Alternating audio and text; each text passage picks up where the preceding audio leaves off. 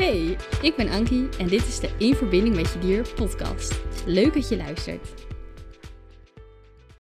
Hallo allemaal en wat leuk dat jullie weer luisteren naar een nieuwe aflevering van de In Verbinding met Je Dier podcast.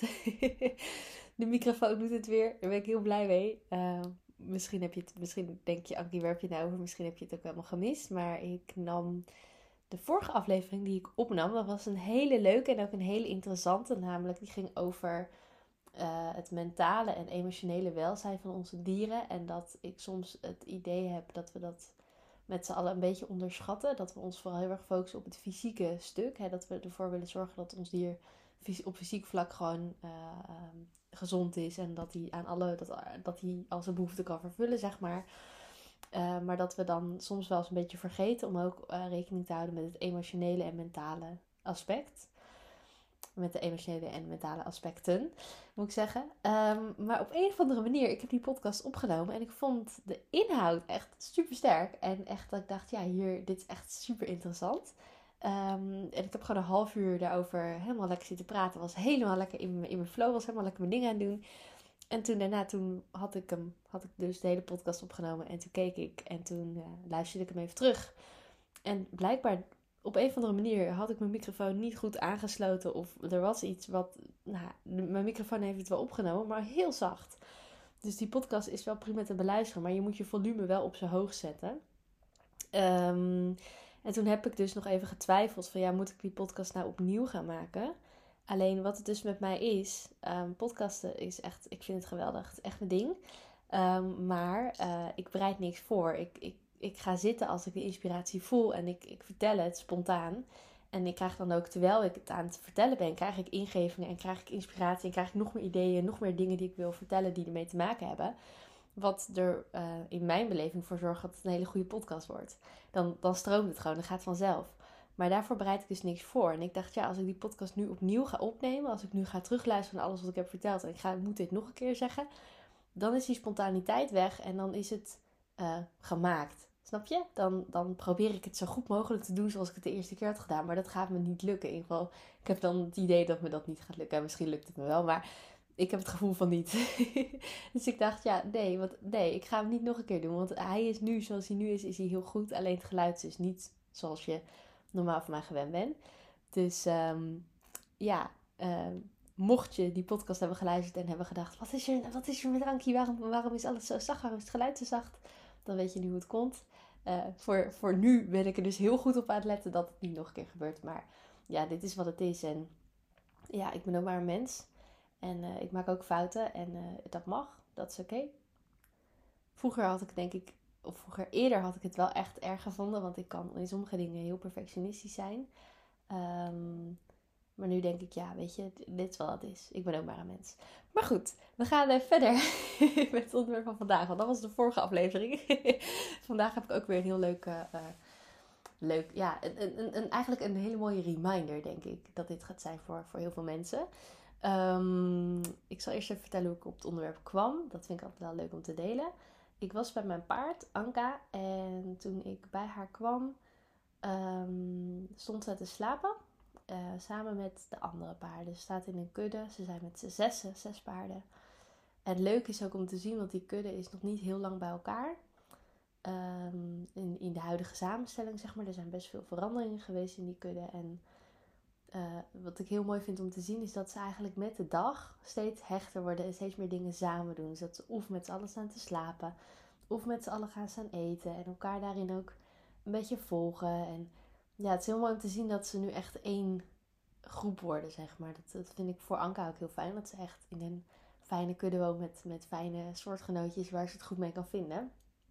En uh, ja, Anka kon het eigenlijk gelijk al heel goed vinden. Hoor. Toen ze in die kudde kwam, dan ging dat eigenlijk heel geruisloos. Alsof ze er al veel langer in stond, zeg maar. Zij werd gelijk door de kudde geaccepteerd en, en zij accepteerde de kudde ook. Dus dat was heel fijn.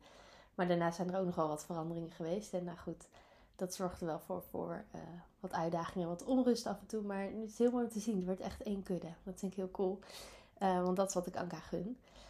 Um, maar ik, ik kwam dus bij Anka en uh, bij de rest van de paarden. En ze stonden allemaal heel lekker te slapen. En ik was eigenlijk van plan om van alles met haar te doen. maar toen ik daar kwam, ze, stonden ze daar met z'n allen zo lief en zo rustig te slapen. Dat ik dacht, ja, ik ga even helemaal niks doen.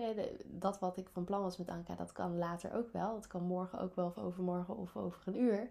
Maar ik ga eerst eventjes lekker bij de paarden uh, chillen. Ik ga dan vaak even bij ze staan of bij ze zitten. Vaak een beetje op een afstandje, zodat ik ze ook goed kan observeren. Ehm, en ik, zei, ik, ik had gewoon zoiets, weet je, ik ga ook gewoon even lekker meedoen in die rust. Dus ik heb een tijd bij ze gezeten en dat was gewoon heel fijn. Dat was gewoon heel rustgevend. Daar is het alleen al heel goed voor. Maar uh, op dat moment, en dat is dus ook waar ik het vandaag met jullie over wil hebben. Op dat moment realiseerde ik me eigenlijk van, zeg maar, ik, ik was bij de paarden en het voelde zo fijn. Ik voelde hun liefde en, het, en die rust en die ontspanning. En toen in één keer realiseerde ik me van, of nou nee, eigenlijk realiseerde ik me achteraf. Toen ik was dus bij hun geweest en nou ja, de, de, sfeer was heel fijn, het was lekker rustig. En ik voelde de liefde van die paarden. En nou, goed, het was gewoon een heel fijn moment. En toen ik later naar huis reed, zat ik in de auto terug naar huis. En toen keer realiseerde ik me van, oh ja, dit is waarom ik een paard heb genomen. En dat is wel grappig, want ehm, met Anka loop ik soms nog best wel tegen wat uitdagingen aan. en uh, niet alles gaat altijd zoals ik hoop of zoals ik van tevoren wil of zoals ik heb bedacht van tevoren of zoals ik heb verwacht. Dus uh, wat dat betreft is het, het hele, het hele uh, de Anka is mijn eerste paard en, en, het hele proces wat ik met haar doorloop is, is heel interessant en heel leerzaam voor mij. Daar groei ik ook heel erg van, daar ontwikkel ik me ook weer heel erg van verder, zeg maar, door verder. Um, lang niet alles gaat altijd zoals ik wil. En um, ja, met haar loop ik echt wel tegen uitdagingen aan. Dus dat is oké. Maar soms is dat wel lastig. Soms is dat wel hè, dat ik dan even. Nou, ervan balen is misschien een groot woord. Maar soms maak ik me wel even zorgen. Of twijfel ik even. Of ben ik even onzeker. Of denk ik, oh, zou het allemaal wel goed komen, weet je wel.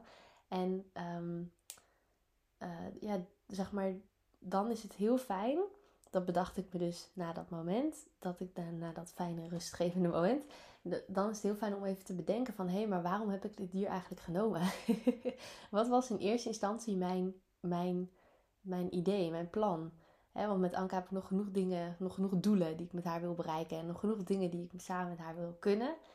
Wat nu nog niet lukt, waar we dus nou ja, mee bezig zijn. Waar, waar we in aan het groeien zijn. Of waar ik vooral aan het groeien ben.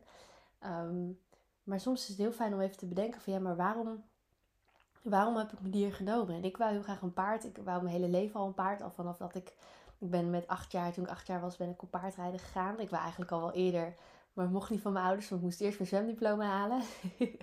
Zodra ik mijn zwemdiploma had, ik had diploma A, ben ik ook gelijk gestopt met zwemles. Ik, vond, ik, vond, ik vind zwemmen, ik vond zwemmen als kind heel leuk. Ik vind zwemmen nog steeds heel leuk. Maar ik vond zwemles zelf niet leuk, want ik had nooit leuke, aardige badjuffrouwen en meesters. En uh, ik vond zwemles zelf gewoon niet leuk.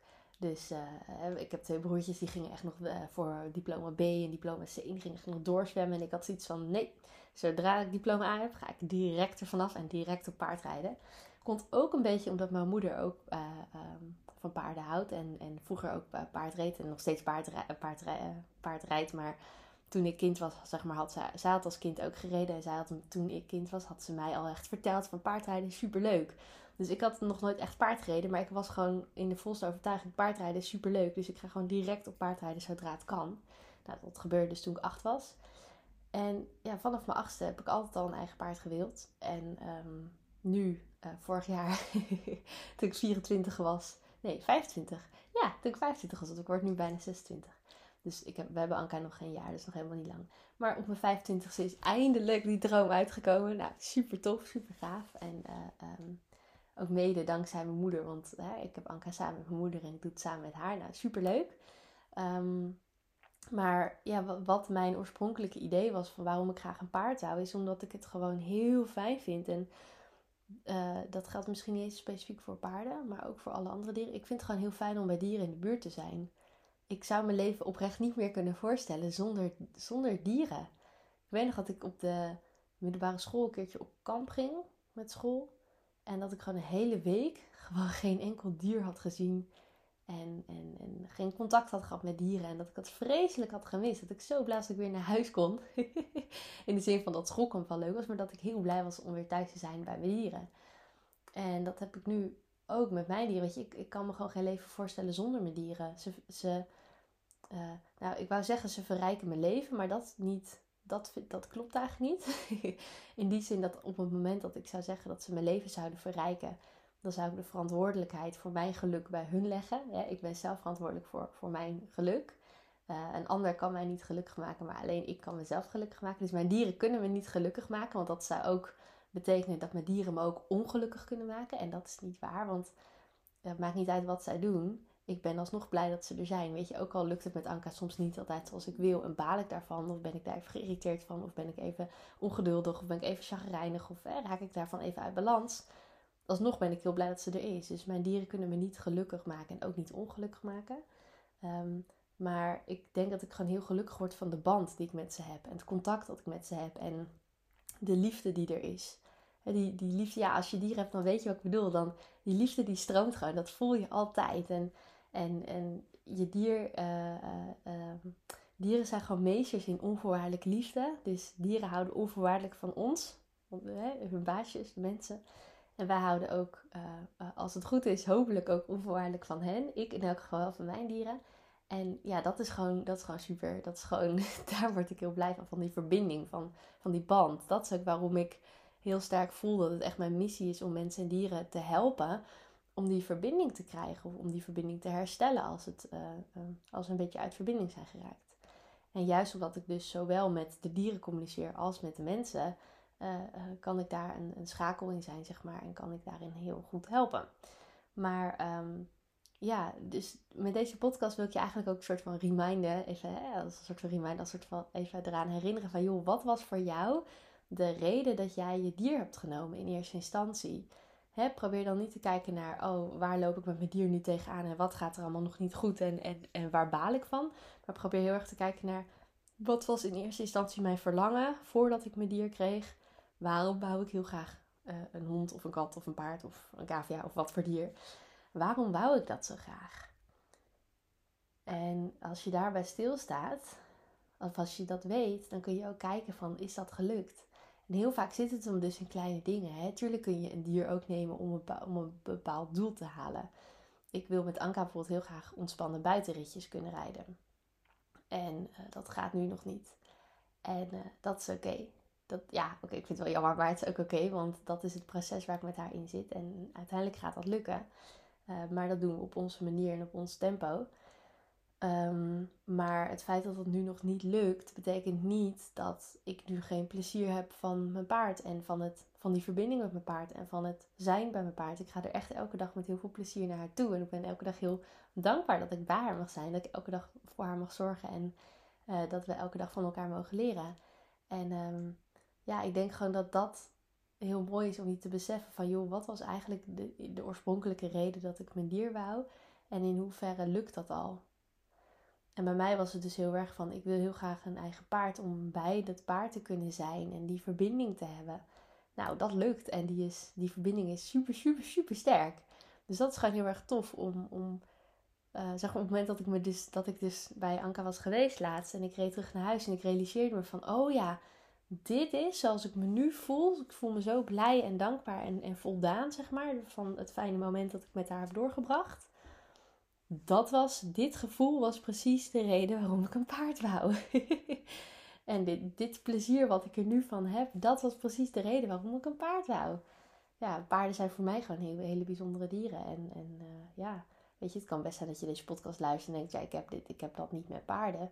Nou, dat hoeft ook helemaal niet. Maar je hebt het waarschijnlijk wel met, een, met, met jouw dier of met een andere diersoort. Hè. Je kan ook zeggen, ja, ik heb dat wel met honden of wel met katten of wel met een ander dier.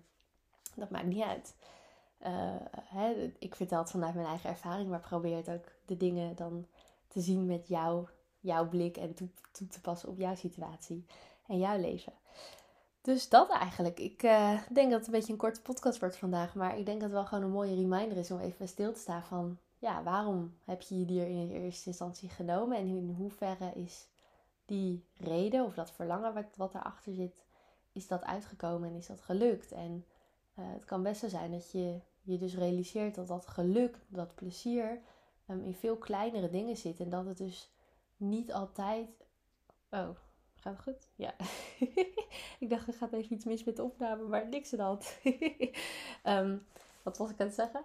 Dat, uh, dat het geluk dus uh, het hem niet altijd zit in het behalen van een doel. Of hè, misschien heeft je dier nog wel uitdagingen. Of misschien laat je dier nog gedrag zien wat je heel vervelend vindt. Of waar je heel erg van baalt. of waar je heel veel stress van hebt bijvoorbeeld. Of waar je heel erg zorgen om maakt. Of misschien er gaan nog dingen misschien nog niet goed. Maar er gaan ook heel veel dingen wel goed.